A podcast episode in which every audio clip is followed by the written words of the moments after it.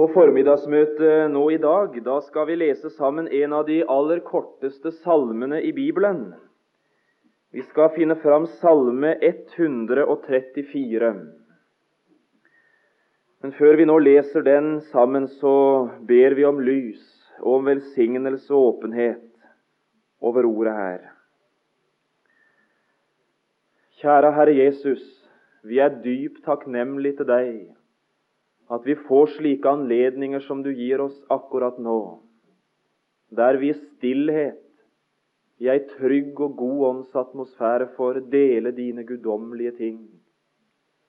Vil du la de sannhetene, Jesus, som skal løftes fram ifra ditt ord i formiddag, la de bli til velsignelse, om de kunne formidle lys, om de kunne få være til oppmuntring, og om de mest av alt kunne hjelpe oss inn i din nærhet. Vi er takknemlige, Jesus, for den tjeneste som du utførte for oss da du stilte deg til tjeneste med tanke på vår frelse.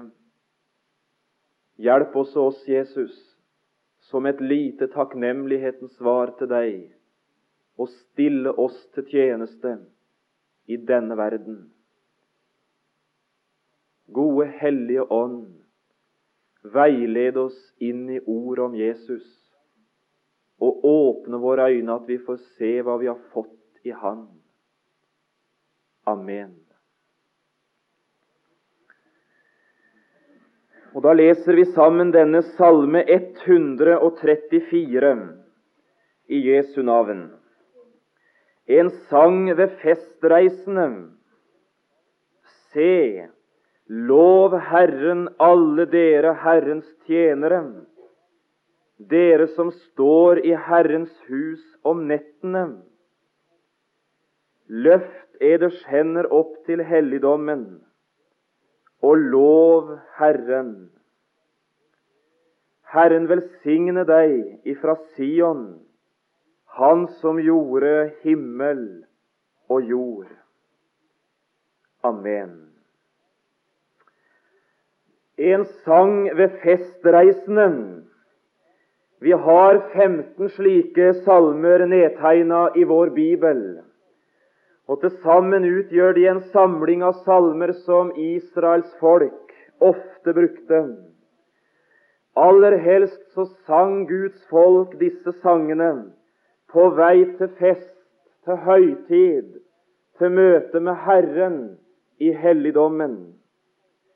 Det som venta de inne i staden, det som venta de i helligdommen, det stemte sinnet, det stemte hjertet i en sang, i en lovsang, som de ikke kunne vente med å synge til de var kommet fram.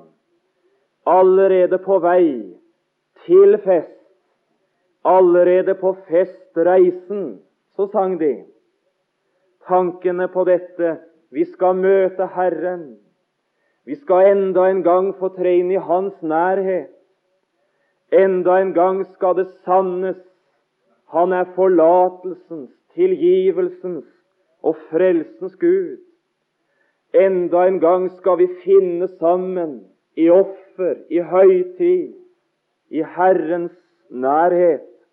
Og så sang de med tanker på det som venta de der framme. Sangen de skulle stemme i i helligdommen, den tentes allerede underveis. En sang ved festreisende. Jeg skal undre meg på om ikke det er en sann kristens kår i verden. Om det ikke gjelder like så vel for oss som det gjorde for Israel. Vi er på vei imot høytid, folk. Vi er på vei imot fest. Vi er på vei imot en helligdom. Vi er på vei imot et møte med Herren som intet møte i denne verden kan svare til. Da du møtte den Herre Jesus, så løste han deg ut ifra mørkets makt. Da fridde han deg fra trellehuset, og så satte han din sjel i frihet. Den dagen blei oppbruddets time i ditt liv. Den dagen brøt du opp ifra trellehuset, og så bega du deg på reise. Jeg er på reise her, og det i fremmed land. Mitt hjem er langt herfra, hist ved en gyllen strand. Og så er vi sammen nå noen minutter i formiddag og skulle forsøke å hjelpe hverandre litt underveis. Og Jeg hadde så lyst til å si det fra begynnelsen av preken min nå. Å, om vi var av de som sang på festreisen. Å, som verden trenger det. Å få se den syngende, lovprisende, frelste skare på sin ferd gjennom verden. Det er nok av mismot. Det er nok av klagerop. Det er nok av mørke og nød og fortvilelse. Og om vi kunne synge sangen for dem. Sjeler kan vinnes ved sang. En sang ved festreisende. På en ganske forunderlig måte så har disse 15 salmene i Bibelen sammenfatta for oss noe av det som enhver kristen møter i verden. Vi kunne godt ha brukt litt tid på det og løfte fram de forskjellige sider ved denne reise. Det har jeg ikke anledning til nå. Jeg skal forsøke å, å si litt om denne siste salma vi har lest sammen her, Salme 134. Det er en sang som taler om Herrens nattjenere. Og jeg ville så gjerne tale noe om dem. Nattjenerne. Om vi skulle finne en grunntone i denne salmen, om vi skulle forsøke å leite oss fram til det som er selve atmosfæra, om du vil, selve ånden, grunntonen i denne sangen, så måtte det vel være dette. Det er oppmuntringens grunntone. Det er den tone som ønsker å dra omsorg for medarbeidere, for brødre. Det er den tonen som ønsker å løfte opp, som ønsker å rekke ei hjelpende hånd, som ønsker å være slik for kanskje motløse tjenere. Å, om jeg kunne formidle lys, frimodighet, oppmuntring til deg som trenger det så sårt. Lov Herren, alle dere Herrens tjenere, dere som står i Herrens hus om nettene, og om sangen i dere nattjeneres liv kunne klinge sterk og rein og klar. Herren velsigne deg ifra Sion, og om Herrens rike velsignelse både kunne hvile over ditt liv og være merkbar i ditt liv. Herren velsigne deg, nattjener. Det er ikke en stor, imponerende flokk i denne verden som bærer Herrens navn. Det talte jeg noe om den første kvelden. Jeg skal ikke gjenta det jeg sa der om den lille flokk. Det kunne vi si en del om også nå. Det skal jeg heller ikke bruke tid på. Det sies jo noe hånlig fra verden, da, at de som bærer Guds navn, det er snart bare pensjonister og søndagsskolebarn. Det er snart Guds rikes ende i denne verden, sier de som ikke har greie på sakene, da.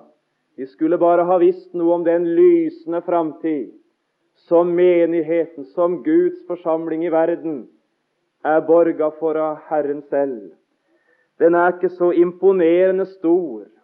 Den har ikke så mye å blamre med når det gjelder store kvaliteter menneskelig sett.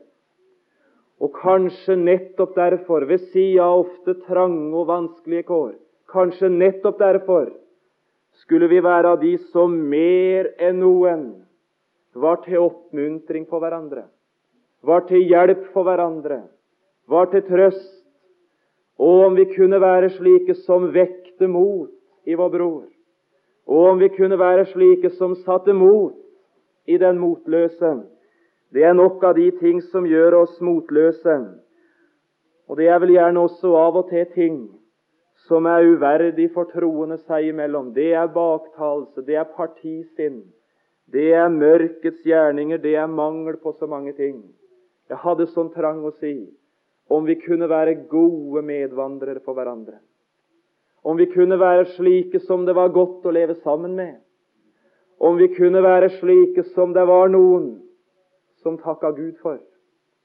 Om vi i vår tjeneste, i vårt liv, i vår ferd makta å formidle noe av det lys, den trøst, det håp vi selv har møtt hos Herren. Jeg fikk et ord for noen år siden fra Esaias 41, og det syns jeg på en forunderlig måte var til hjelp for meg så mye den tida. Det var Esaias 41, 6.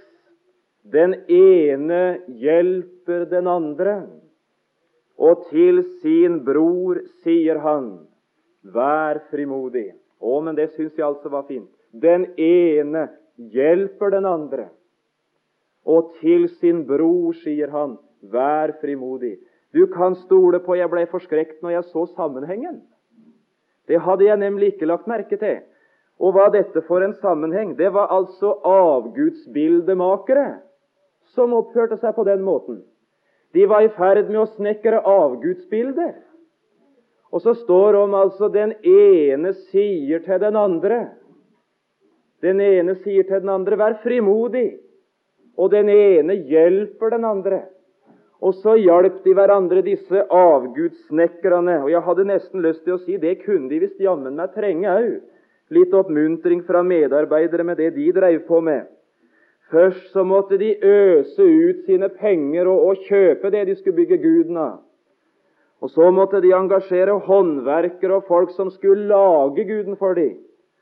Og ikke nok med det, så måtte de streve å bære guden sin og få den på plass.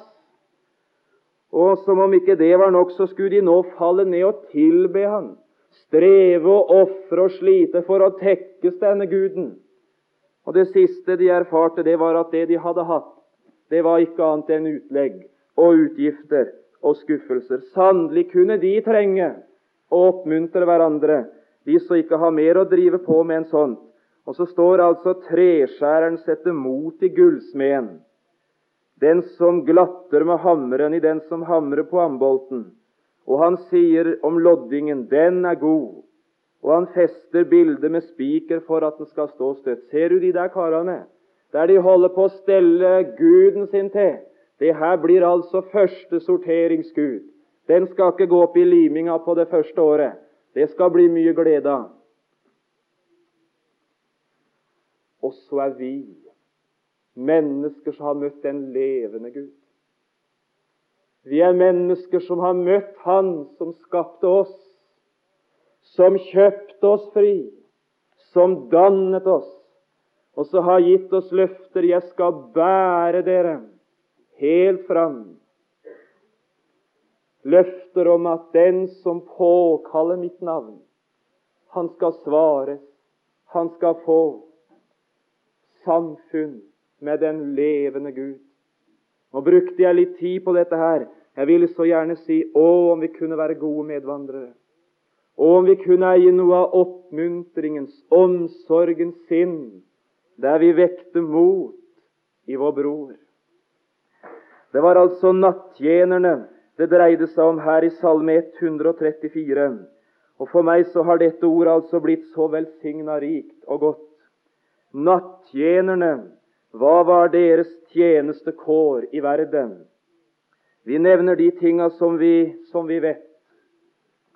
For det første nattjenerne. Deres tjeneste falt på et tidspunkt da mørket råda, og da de aller fleste i deres omgivelser sov. Det var mørke i landet, det var mørke i byen, et av de få steder det lyste, det var i helligdommen. Deres tjeneste var å våke der andre sov. Og som jeg ser troens folk i verden i dag i det bildet. Å, men det er mørkt i verden. Å, men det er mørkets makt som ruger og rår. Og så er det et sted det lyser. Det er der Kristus, herlighetens Herre, har tatt bolig i verden. I Hans nærhet er det noen som våker der de andre sover? Er det noen som er i lyset der andre er i mørket? Tjenestekårene, det er å våke og tjene midt i et område der mørk og søvn rår. Det andre som kjennetegner nattjenesten, det er dette. De opplevde aldri de store festlighetene, disse nattjenerne. Det var om dagen den store festivitas foregikk. Det var da folket strømte til helligdommen. Det var da lovsangen runga. Det var da de mange opplevde de personlige møtene med Gud.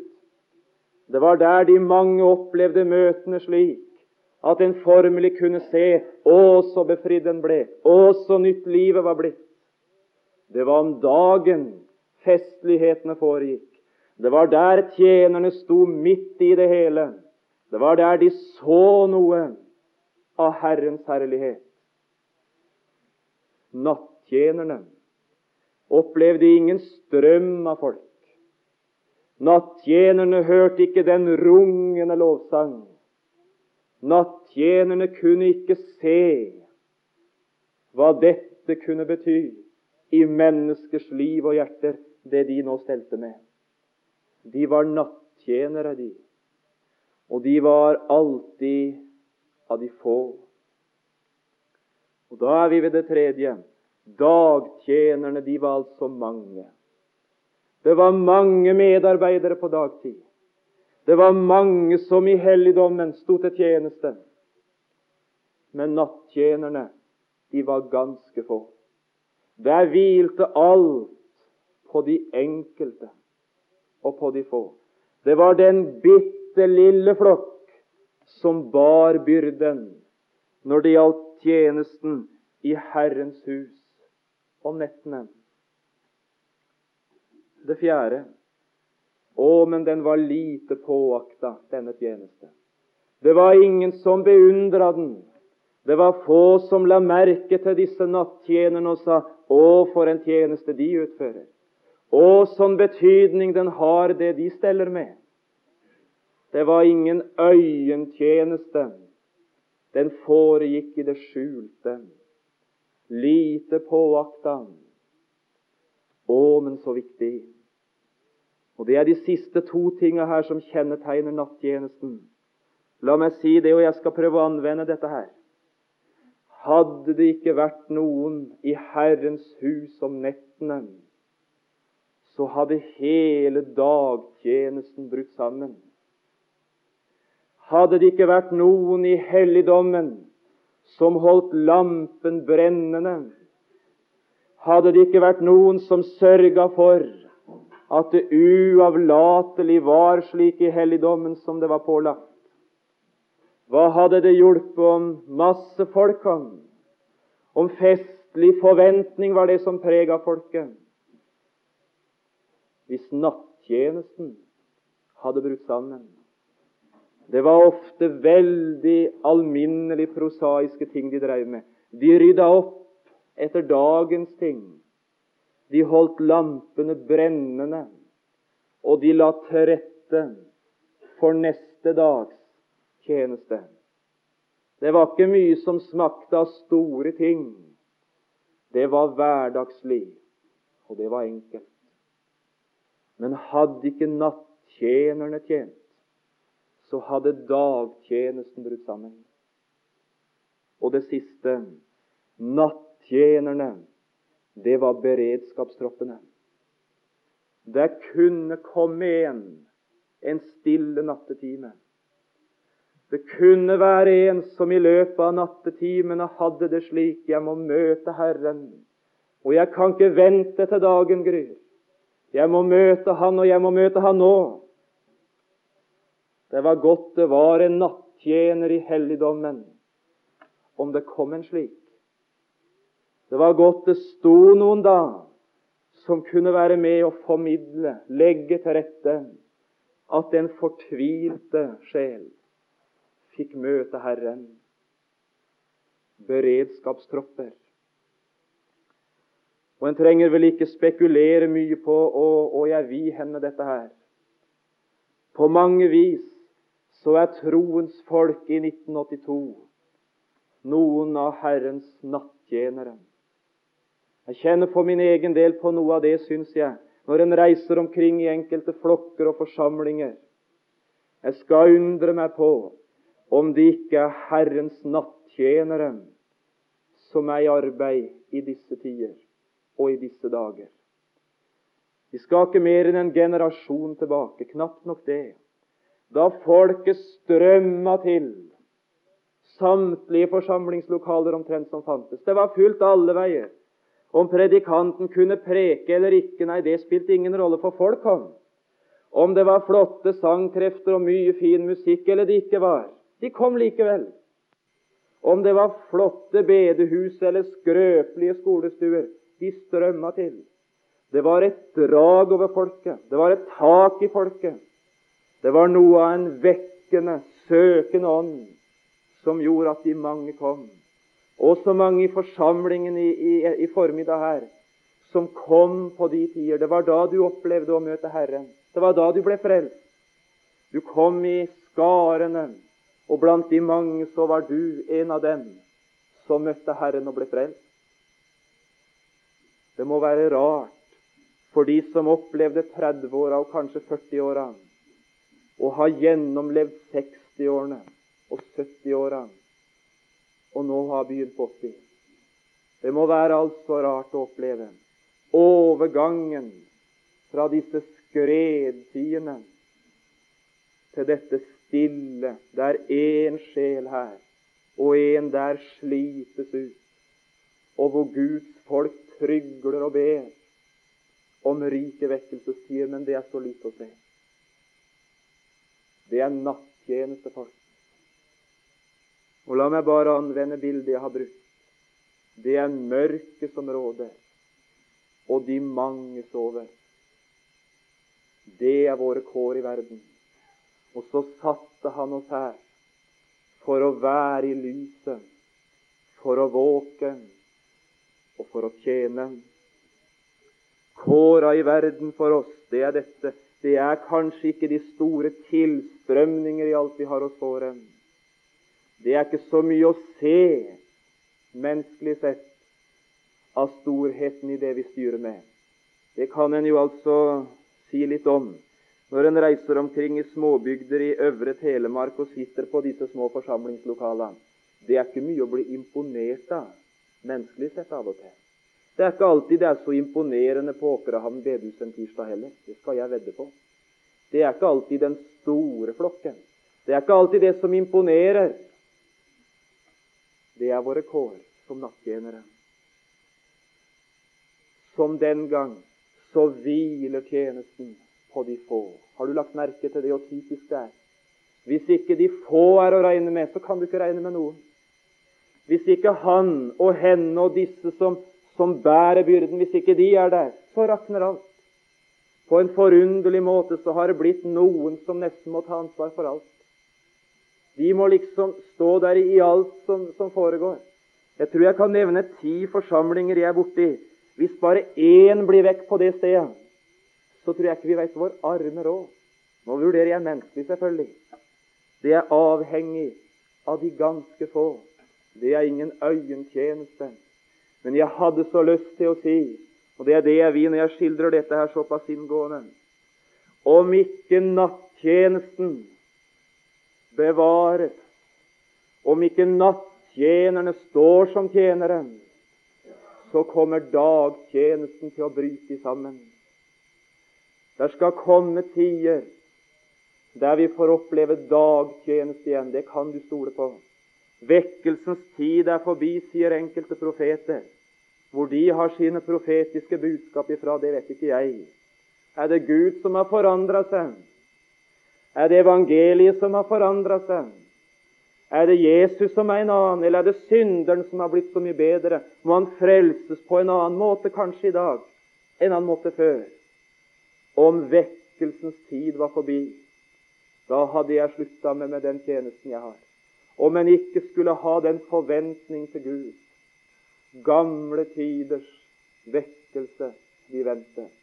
Vi skal takke Gud i bygdene våre og i byene for de få som pussa opp forsamlingslokal og bedehus, som tviholdt på onsdagsmøte eller søndagsmøte, som sto der som den lille flokk i bygda i en generasjon. Og det eneste mange av de så, var at de ble færre og færre og færre. De ble gamlere og gamlere og gamlere. Og mange gikk i sin grav med en følelse av dette. Det er, det er nedgang. Det er tilbakegang. Og det er, det er vikende fronter. Vi skal takke Gud den dagen der blåser en ny, stille, vekkende inn, vind innover bygdene våre, at der står et hus. At det er tilrettelagt. At det er mulig å oppleve dagtjenesten. Og jeg vil så gjerne være til oppmuntring for, for den enkelte troende nå. Å, om vi kunne være Herrens beredskapstropper. Det finnes noen i 1982 som har det vondt. Det finnes noen i 1982 som kanskje ikke kan vente til det store vekkelsesskredet kommer. De må møte Gud, og de må møte Han nå.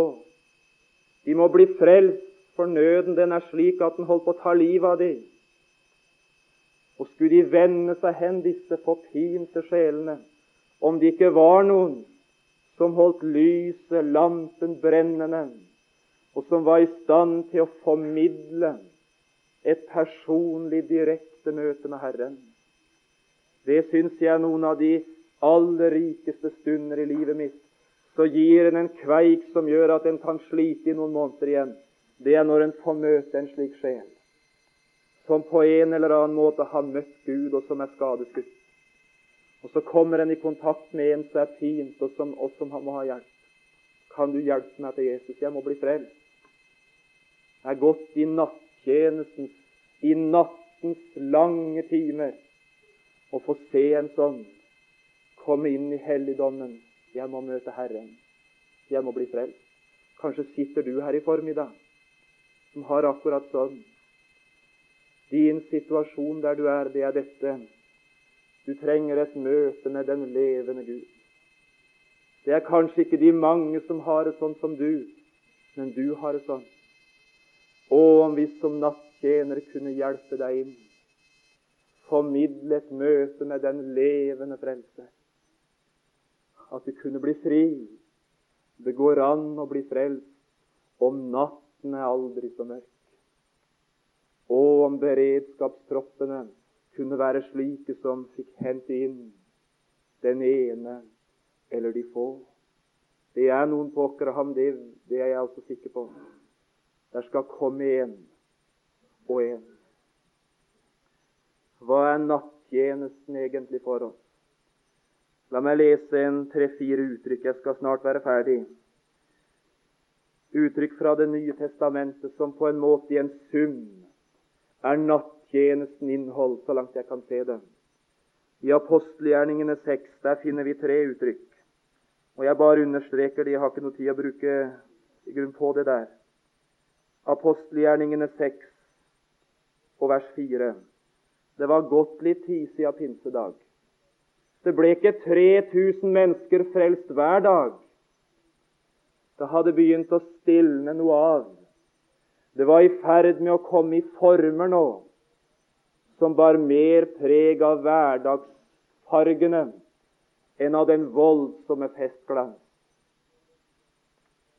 Og så står det noe om disse som forberedte seg til nattjeneste i Jerusalem. Vi, derimot, vil holde fast. Og hva det de ville holde ved i?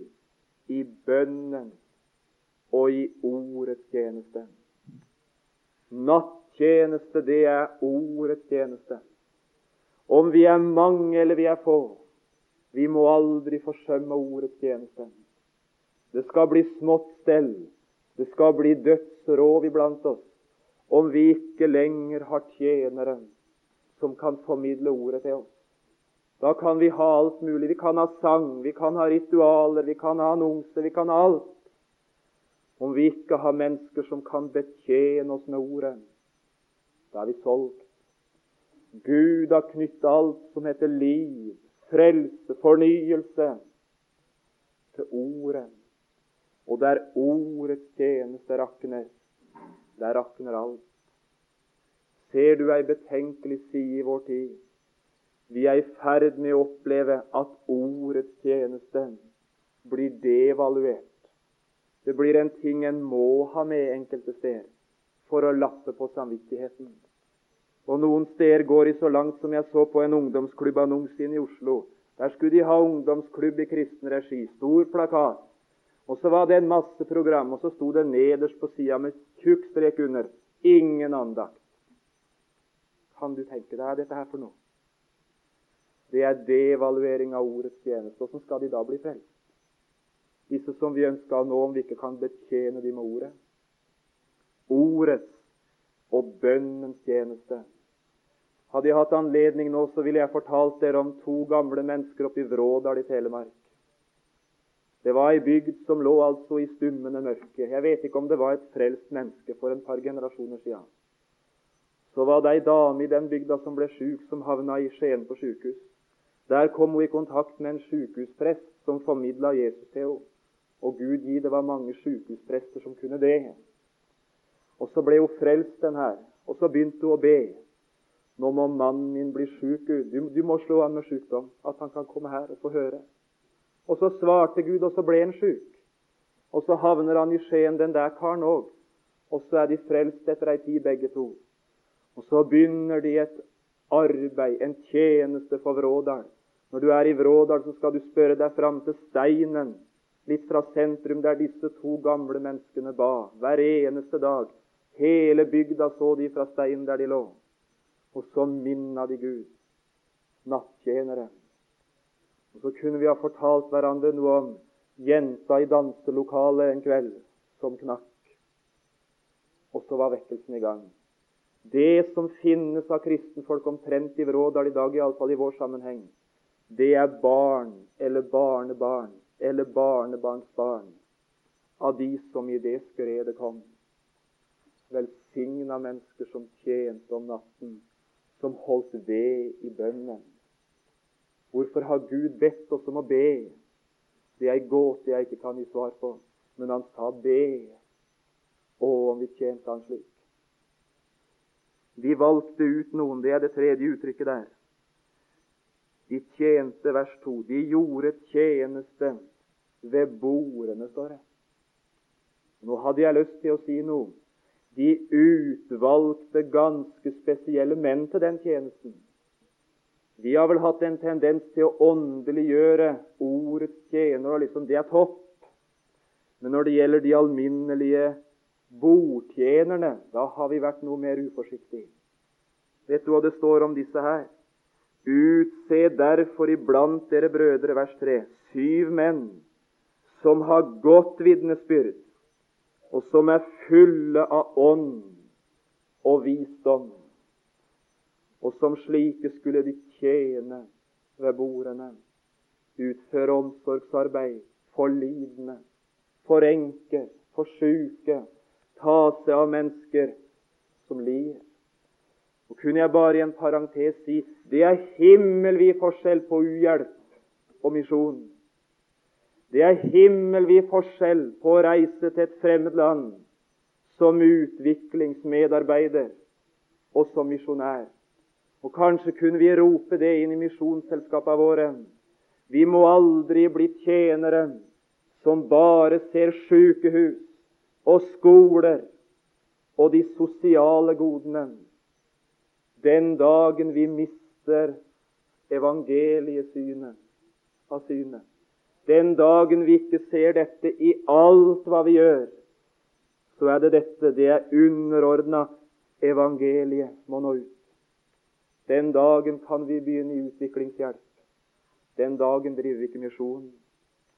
Og om vi kunne be ut misjonærer, be ut mennesker også i vårt land, som hadde dette klare syn.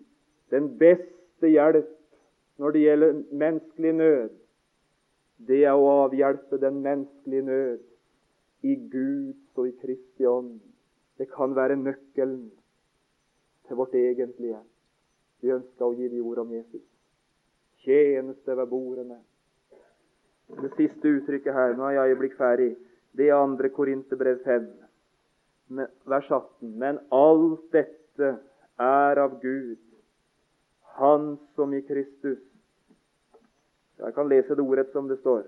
Han som forlikte oss med seg selv ved Kristus og gav oss forlikelsens tjeneste.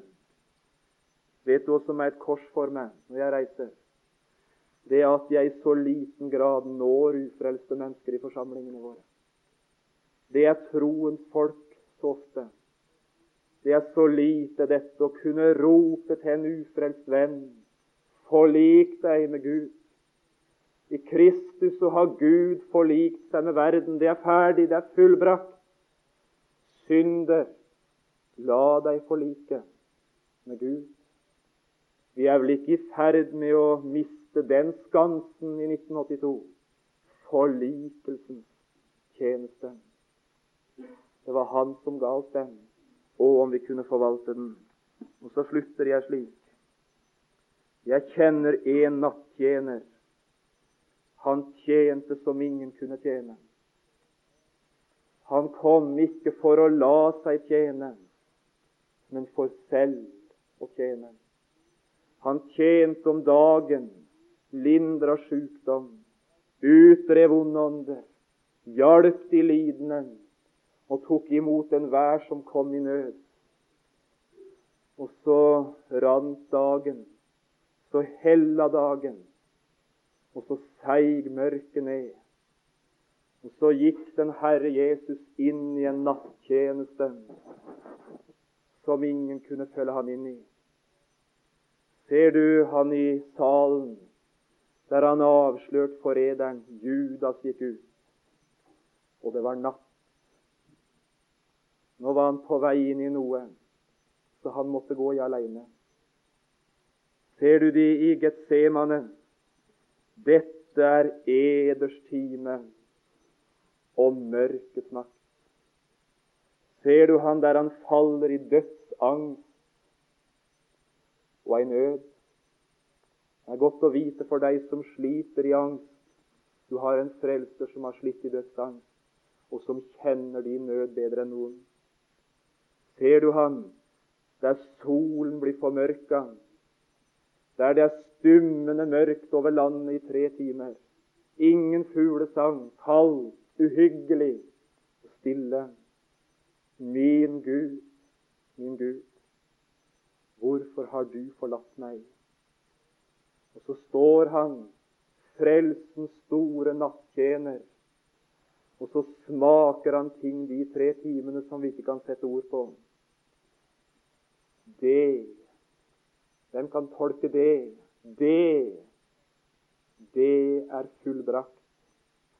Og så rinner sola, og så demrer evangeliets store, herlige dag.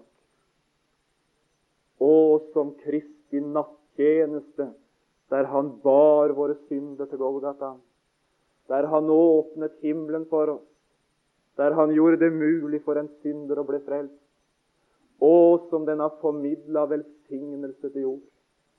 Herren velsigne deg ifra Sion. Han kan velsigne, og han vil velsigne på grunn av Kristi verk. Og som Kristi nattjeneste har født lovsangen til Gud. Lov Herren, alle dere hans tjenere. Der tentes en sang. Han la i min munn en ny sang. Du gikk for meg en blodig sti, men jeg, som skyldig var, slapp fri. Og så tente sangen i takknemlighet til nattjenerens fullbrakte verk. Kjære sjel, den store nattjener har betjent deg til frelse. Har du noensinne takka ham for det? Kjære Jesus, vi makter ikke i vår tanke å gripe hva du led. Det er umulig for oss, Jesus, å tolke det. Men vi veit det er det mest uhyggelige et menneske har vært borti. Det. Takk at du smakte det, Jesus, for at jeg aldri skulle smake det. Takk at straffen, Herre, ble lagt på deg, og så har jeg fred. Takk at du smakte nattens mørke for at jeg alltid skulle få være i lyset. Gi meg nåde, Herre, i takknemlighet å få tjene deg, også om min tjeneste blir nattens tjeneste. Amen.